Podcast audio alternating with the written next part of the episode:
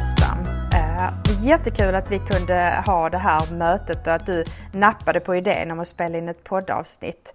Eh, jag tror att du inte är helt okänd i Skolsverige men jag tror ändå vi ska börja med en presentation. Kan du berätta var du jobbar och vilken roll du har? Mm. Hej själv och tack för att jag fick komma. Jag jobbar som lärare i svenska som andraspråk på Navestaskolan i Norrköping. Och tidigare så arbetade jag som skolbibliotekarie så att jag har båda de här. Jag jobbar mycket fram och tillbaka med MIK, IKT, digitala verktyg. Okej, okay, men du jobbar inte som skolbibliotekarie nu? Nej, nu är jag bara lärare. Men när du gjorde det så var det på samma ställe? Nej, eller? då jobbade jag Nej, på gymnasiet. Okej, okay. och detta där du jobbar nu är en grundskola? Precis, eller? nu jobbar jag med 7-9.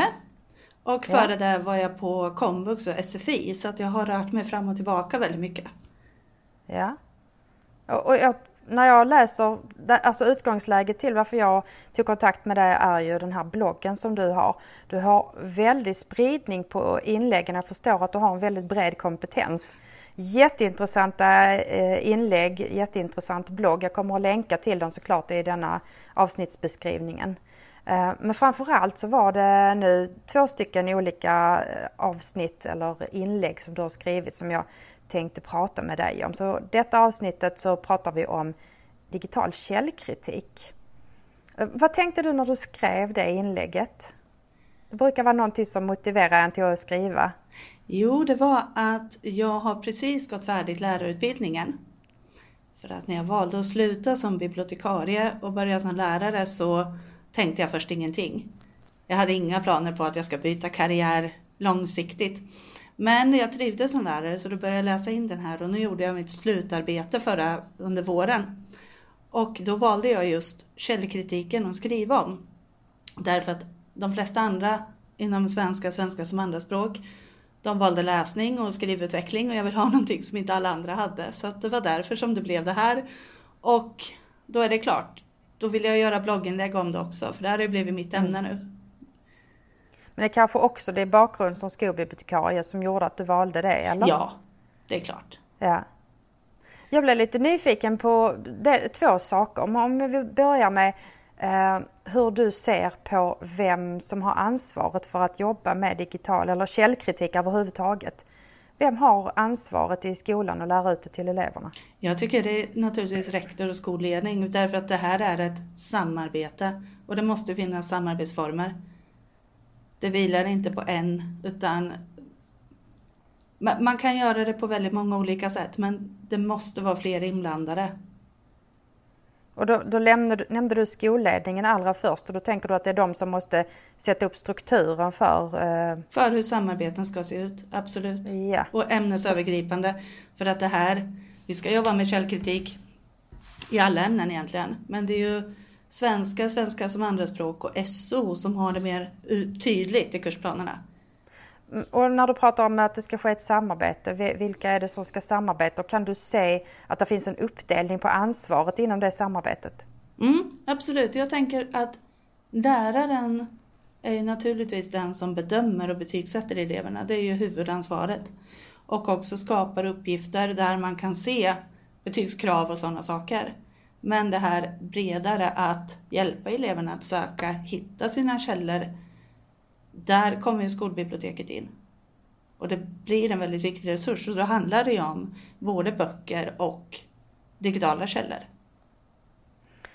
Alltså jag brinner verkligen för den här punkten men det jag saknar det är ju skolbiblioteks, alltså utbildningen mm. i informationsteknik. Jag, jag kan, har inte den men jag har ju förstått att det är skillnad på vilken kompetens lärarna har och vilken kompetens skolbibliotekarien har. Och du som nu har båda utbildningar, kan, kan, du förklara det lite grann? Vad är det för skillnad på vilka kompetenser som lärare besitter och som skolbibliotekarien besitter som gör att det här samarbetet kan bli så bra? På lärarutbildningen så handlar det väldigt mycket om att tolka källor överhuvudtaget.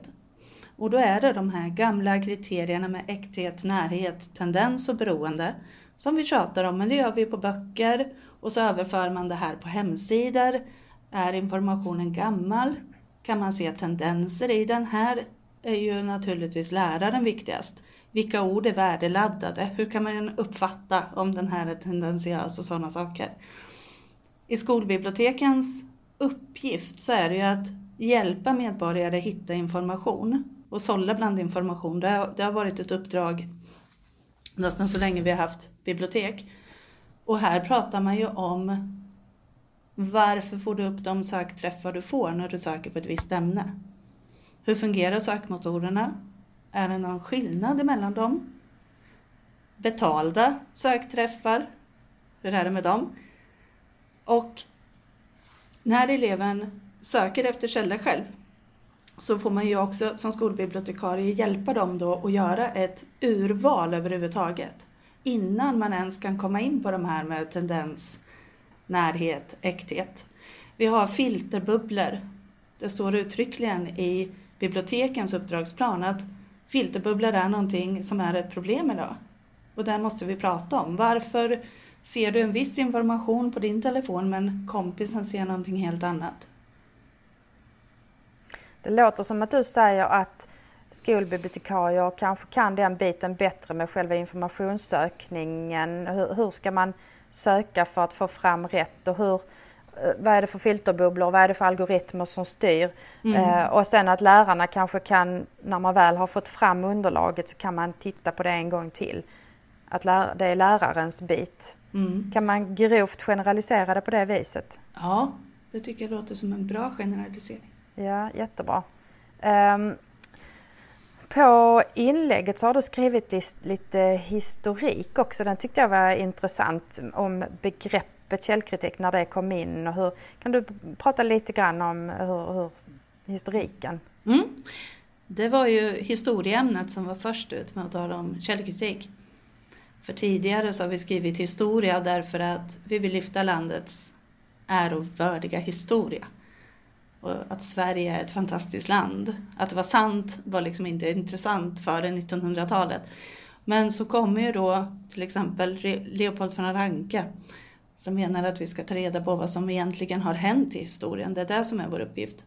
Och i det här så börjar de här källkritiska begreppen att komma fram och då är det de fyra som vi fortfarande har kvar.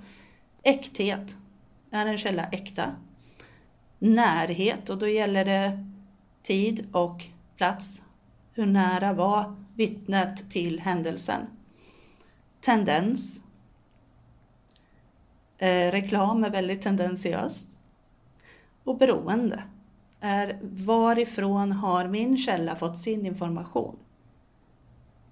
Det kan ofta se ut som att tio, tio olika källor påstår samma sak och då är det väldigt lätt att tro att det här är väldigt säkert. Men egentligen så baserar sig de tio på en och samma, ett och samma vittne eller någonting sånt.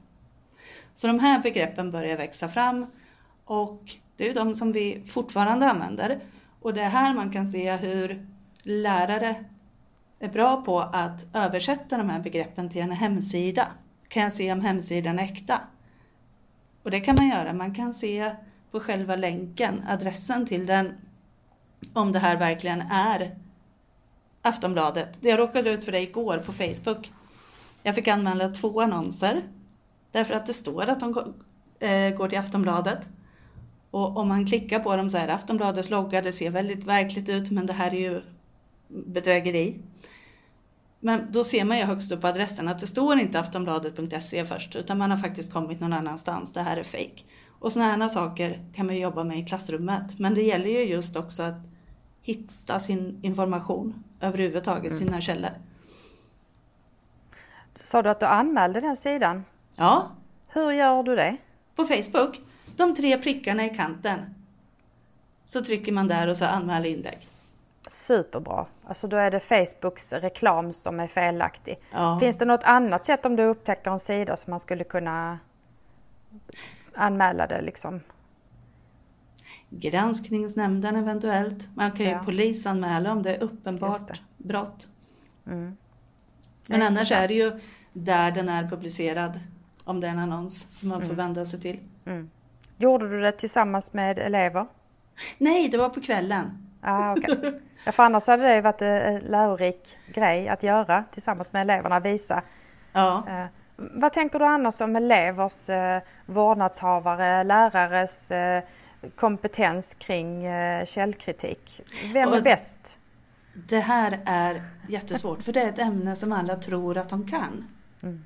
Och det märkte jag redan när jag jobbade som bibliotekarie att om vi bjöd in, eh, det var studenter då, jag var kort tag på universitetsbiblioteket och så var det att ni får komma hit och vi pratar om det här och då kommer fem av hundra och resten tror att jag kan det här. Och när man säger till någon att du måste titta på datumet på en källa därför att information om covid-19 som skrevs för två år sedan kommer innehålla information om att det inte finns något vaccin. Därför att informationen ändras. Och det låter så självklart när man säger det. Mm. Det låter så självklart så att man himlar med ögonen. Och ändå, när eleverna får källorna framför sig, så sitter man och letar i texten och försöker hitta, verkar det här trovärdigt? Och jo, men han skriver bra. Och man, Mm. man måste aktivt ställa frågorna till sig själv. Hur gammal är den? Man måste tänka på att göra det och det är där det brister. Det är ju också idag på till exempel sociala medier så finns det väldigt mycket produktplaceringar, dold reklam. Det här ska man ju också helst se igenom. Att min favoritinfluencer säger att ett schampo är jättebra betyder inte ens att de har provat överhuvudtaget. Nej, just det. Utan det här är, det är sådana här dolda grejer som finns där. Sen är det ju jätteviktigt att inte bli för källkritisk. Vi måste också våga säga till våra elever att det här är en källa du kan lita på. Därför att vi, vi vill ju inte nå ett, ett samhälle där det växer upp en generation som bara är kritiska mot allt och tycker att allt är skit och myndigheter är, ljuger. Alltså, vi får inte landa där. Man måste ju också ha den här källtilliten att det här är trovärdig information. Det här kan du lita på. Jag lyssnade på någon elev som pratade på ett seminarium på, på Bokmässan. Eh, De har ju släppt de seminarierna nu så man kan titta på dem från Bokmässan. Eh, Då var det en elev som sa att eh, det är skönt att ha läromedel därför att ibland måste man kunna bara slappna av och lita på att det jag läser är korrekt. Jag vill inte läsa med källkritiska ögon hela tiden, jag orkar inte. Att det är viktigt att få läromedel som man då kan slappna av i och lita på att det som står där det stämmer och det är bara det, är det jag ska lära mig. Det tyckte jag också var väldigt absolut. viktigt för att jag tror att eh, det står eleverna lite grann upp i halsen det här tjatet om källkritik och har du kollat källan nu ordentligt? Och, så att ibland får lov att slappna av. Men det betyder ju, tänker jag, att läraren måste kolla så att det är korrekt. Eh, om läraren sätter ett läromedel i handen på eleverna så måste ju läraren ha kollat att det är till exempel aktuellt. Eh, man kan inte ta ett gammalt läromedel och, och tänka sig att eleverna ska lära sig det. För att är det i samhällskunskap så behöver det vara ett uppdaterat eh, läromedel. Verkligen. Och där handlar det också om vilken nivå eleverna är på. I årskurs 8 och 9 så brukar jag börja prata om pressetiska regler. Att det finns eh, någonting som kallas för pressetik. Och håller man sig, tar man nyheter ifrån våra stora tidningar då kan man lita på att informationen stämmer eller att det kommer in en rättelse om det dyker upp att det här var fel. Däremot de som inte följer de pressetiska reglerna, det är ju inga lagar, då, då är man inte lika säker på att det här Ja, stämmer. det. det tycker jag att man har märkt. Alltså, jag har själv blivit intervjuad lite grann till, och, och till artiklar i tidningen och då när man säger någonting så frågar har du källa på det? Så att jag ska hjälpa dem och, och ge dem källan och jag tycker det är jättebra att de efterfrågar det så de tar inte bara det jag säger utan de vill kolla upp det jag har sagt också att det stämmer. Jag tycker att tidningar har blivit Precis. bättre på det så det är suveränt. Um, och det är jättekul att du lär ut det. Jag har faktiskt aldrig hört det. Så vad sa du det hette? Press... Etiska regler. Pressetiska regler. Mm. Ja, det var nytt för mig. Jag vet att de gör det men jag visste inte att det fanns ett eh, så, begrepp inom. Ja. Eh, någonting mer du tänkte när du skrev det här inlägget? Som vi inte har pratat om? Nej, då får jag återgå till början lite grann. Det jag vill är väldigt mycket att lyfta skolbiblioteken eh, att ha det bemannat av personal, att det här är en kompetens som skolorna behöver. Jag tror att det är lite det som är det viktiga mm. för mig när jag skriver om det. Ja, jag håller med. Jag tänkte bara på att du hade skrivit att det finns en nationell eh, biblioteksstrategi i inlägget. Mm. Uh, och jag hittar inte någon sådan, jag hittar bara att det finns ett förslag. Vet du någonting mer om mm. den? Har den antagits så att det är jag som inte hittar den eller? Nej. Nej. Nej, den nya har inte antagits. Det är möjligt att jag faktiskt har skrivit fel namn på den här i så fall.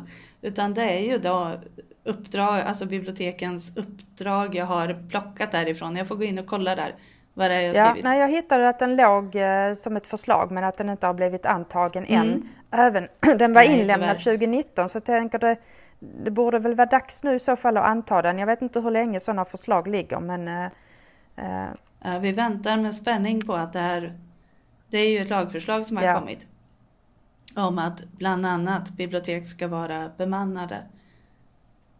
Ja, jag hoppas på att det förslaget går igenom och att det kommer snart mm. Eh, att antas det här förslaget.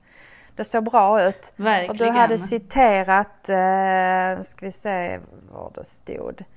Eh, det formuleras att bibliotekens uppdrag är att de ska ge kunskap om källkritik och informationssökning liksom algoritmer och filterbubblor som riskerar att bidra till en fragmentisering av det offentliga samtalet och leda till en minskad tilltro till grundläggande fakta. Eh, och i den meningen så tänker jag att algoritmer och filterbubblor är det svåra att förstå. Och vi har pratat om filterbubblor och jag hoppas att alla vet vad filterbubblor är. Eh, men algoritmer har vi inte pratat om.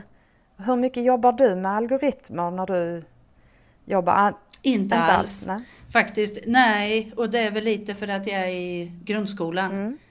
Jag tänker att det här börjar komma lite senare. Vi näm jag nämner lite mm. grann varför vissa, eh, vissa sidor hamnar väldigt högt upp och andra sidor hamnar långt ner. Men det här är ju det är otroligt många parametrar i det. Lite grann där man kan säga, om man vill säga någonting och göra det väldigt enkelt, så är det ju att våra sökmotorer jobbar ändå väldigt hårt för att du ska få bra resultat. En sida eh, får ju en ranking. Och ju högre ranking man har, desto högre upp kommer man när man söker på sökord som finns på den sidan. Och den här bestäms av så otroligt många parametrar. Hur många som besöker sidan, hur länge de stannar, eh, hur ofta de kommer tillbaka. Så det är jättemycket som Google och Bing och de här sitter och räknar på. De, kort sagt så jobbar de väldigt hårt för att de översta sökträffarna ska vara bra. Och det här kan vara bra att känna till också. Det är precis det jag tänker att man behöver undervisa om. Jag tänker inte att man behöver sitta och programmera, man behöver inte titta på algoritmerna. Men att ha en förståelse för att det är någon som har skrivit programkod som styr vad du ser. Mm. Och att man, man kan testa mm. detta genom att låta en elev söka på någonting och en annan elev söka på exakt samma sak och se att deras resultat ser olika ut. På grund av deras sökhistorik. Framförallt om de sitter vid olika enheter. Om du söker på mobilen jämfört med om du söker på en ja. dator. Två elever i samma klassrum med exakt samma Chromebook kommer att få väldigt lika mm. resultat. Mm. Även om de har olika sökhistorik. Däremot så kommer de inte att se samma annonser till exempel. Nej, just det. För det här styrs ja. av det. Ja, nej det här med algoritmer. Det, jag tänker att man behöver inte göra det så avancerat men bara att få dem att förstå att det är algoritmer som styr väldigt mycket i bakgrunden. Och att det är någon som har bestämt hur vi ska bli påverkade. Mm, ja. Precis. Och det är ingenting som säger att information är sann för att den kommer högt upp, utan den är populär. Precis. Det är inte samma sak. Ja, precis. Jag, jag tänker en annan sak innan vi avslutar. Um, hur har källkritiken förändrats när vi nu har kommit mer och mer in i den digitala världen? Jag vet inte hur gammal du är, men om man tänker tillbaka på när vi gick i skolan. Eh, då används inte datorer. Om de gjorde det så var det definitivt inte så utvecklat som det är idag. Eh, källkritik innebar någonting helt annat. Vad innebar källkritik då och på vilket sätt har det liksom förändrats? Jag tror att det har förändrats att vi, vi betraktas mer som... Då var vi mera konsumenter, tänker jag, av information. Jag gick till biblioteket, jag tittade i hyllorna och visst, det finns en bibliotekarie kanske som har gjort ett urval vilka historieböcker vi har. Men det var ändå jag som valde. Och idag är det mer vilken information kommer till dig. Att man liksom pratar om det. Det var en spontan tanke som dök upp just nu, men jag tror faktiskt att det är mycket så. Det är ett sånt informationssamhälle. Vad är det som når dig överhuvudtaget? Den frågan fanns inte riktigt då. Nej, jag tänker att det måste vara mycket mer komplext nu. Att in, alltså man hade ju ändå bokförlag tidigare som satt lite grann som en garant för att det som gavs ut var bra eh, och relevant. Nu kan man ju ha ett eget förlag att ge ut på så att allt kan publiceras. Mm. Så att äh, även, även böcker, äh, inte bara det digitala materialet utan även böcker behöver man vara ännu mer försiktig kring än vad man behövde vara då. Mm, det är kanske absolut. det som är förklaringen till, för att jag har läst någonstans att, att vuxna är mycket sämre på källkritik. Eh, barnen får ju det i undervisningen idag. Medan de vuxna ja. som, de får ingenstans att lära sig mer än genom sina barn möjligtvis. För vi är nog lite naiva i vår generation, för vi har aldrig fått lära oss det. Det, var böcker som gick att lita på mestadels. Ja, ja absolut. Så det är mycket mer komplext idag. Ja, men det är spännande också. Det, det, det vardagsnära, det är här är elevernas verklighet. Vad de ser på TikTok och vad de läser. Och det, det blir väldigt äkta ja, när man ja. pratar om det. Ja, och jag tror att alla som har barn hemma hamnar i diskussioner om källkritik för att det är väldigt aktuellt. Jag vet inte hur många gånger min son har sagt till mig Har du kollat källan på det och stämmer det verkligen det du säger nu? Eh, och ibland får jag på tafsen för att det är jag som har eh, inte riktigt kollat och nej det stämde kanske inte det som jag... Och ibland är det han som inte har kollat källan ordentligt. Så att eh, hjälps åt och ställa frågor till varandra. Kan detta verkligen vara korrekt? Ja. ja. Nej, väldigt, Källa på väl, det. Ja, precis. precis, precis. Äh, tack så hemskt mycket, verkligen intressant och jag lägger som sagt länken till det här blogginlägget eh, i avsnittsinformationen så att alla kan få läsa och eh, även läsa fler inlägg på din sida. Väldigt intressanta inlägg. Tack för denna gången! Tack så tack. mycket och tack för att jag fick komma!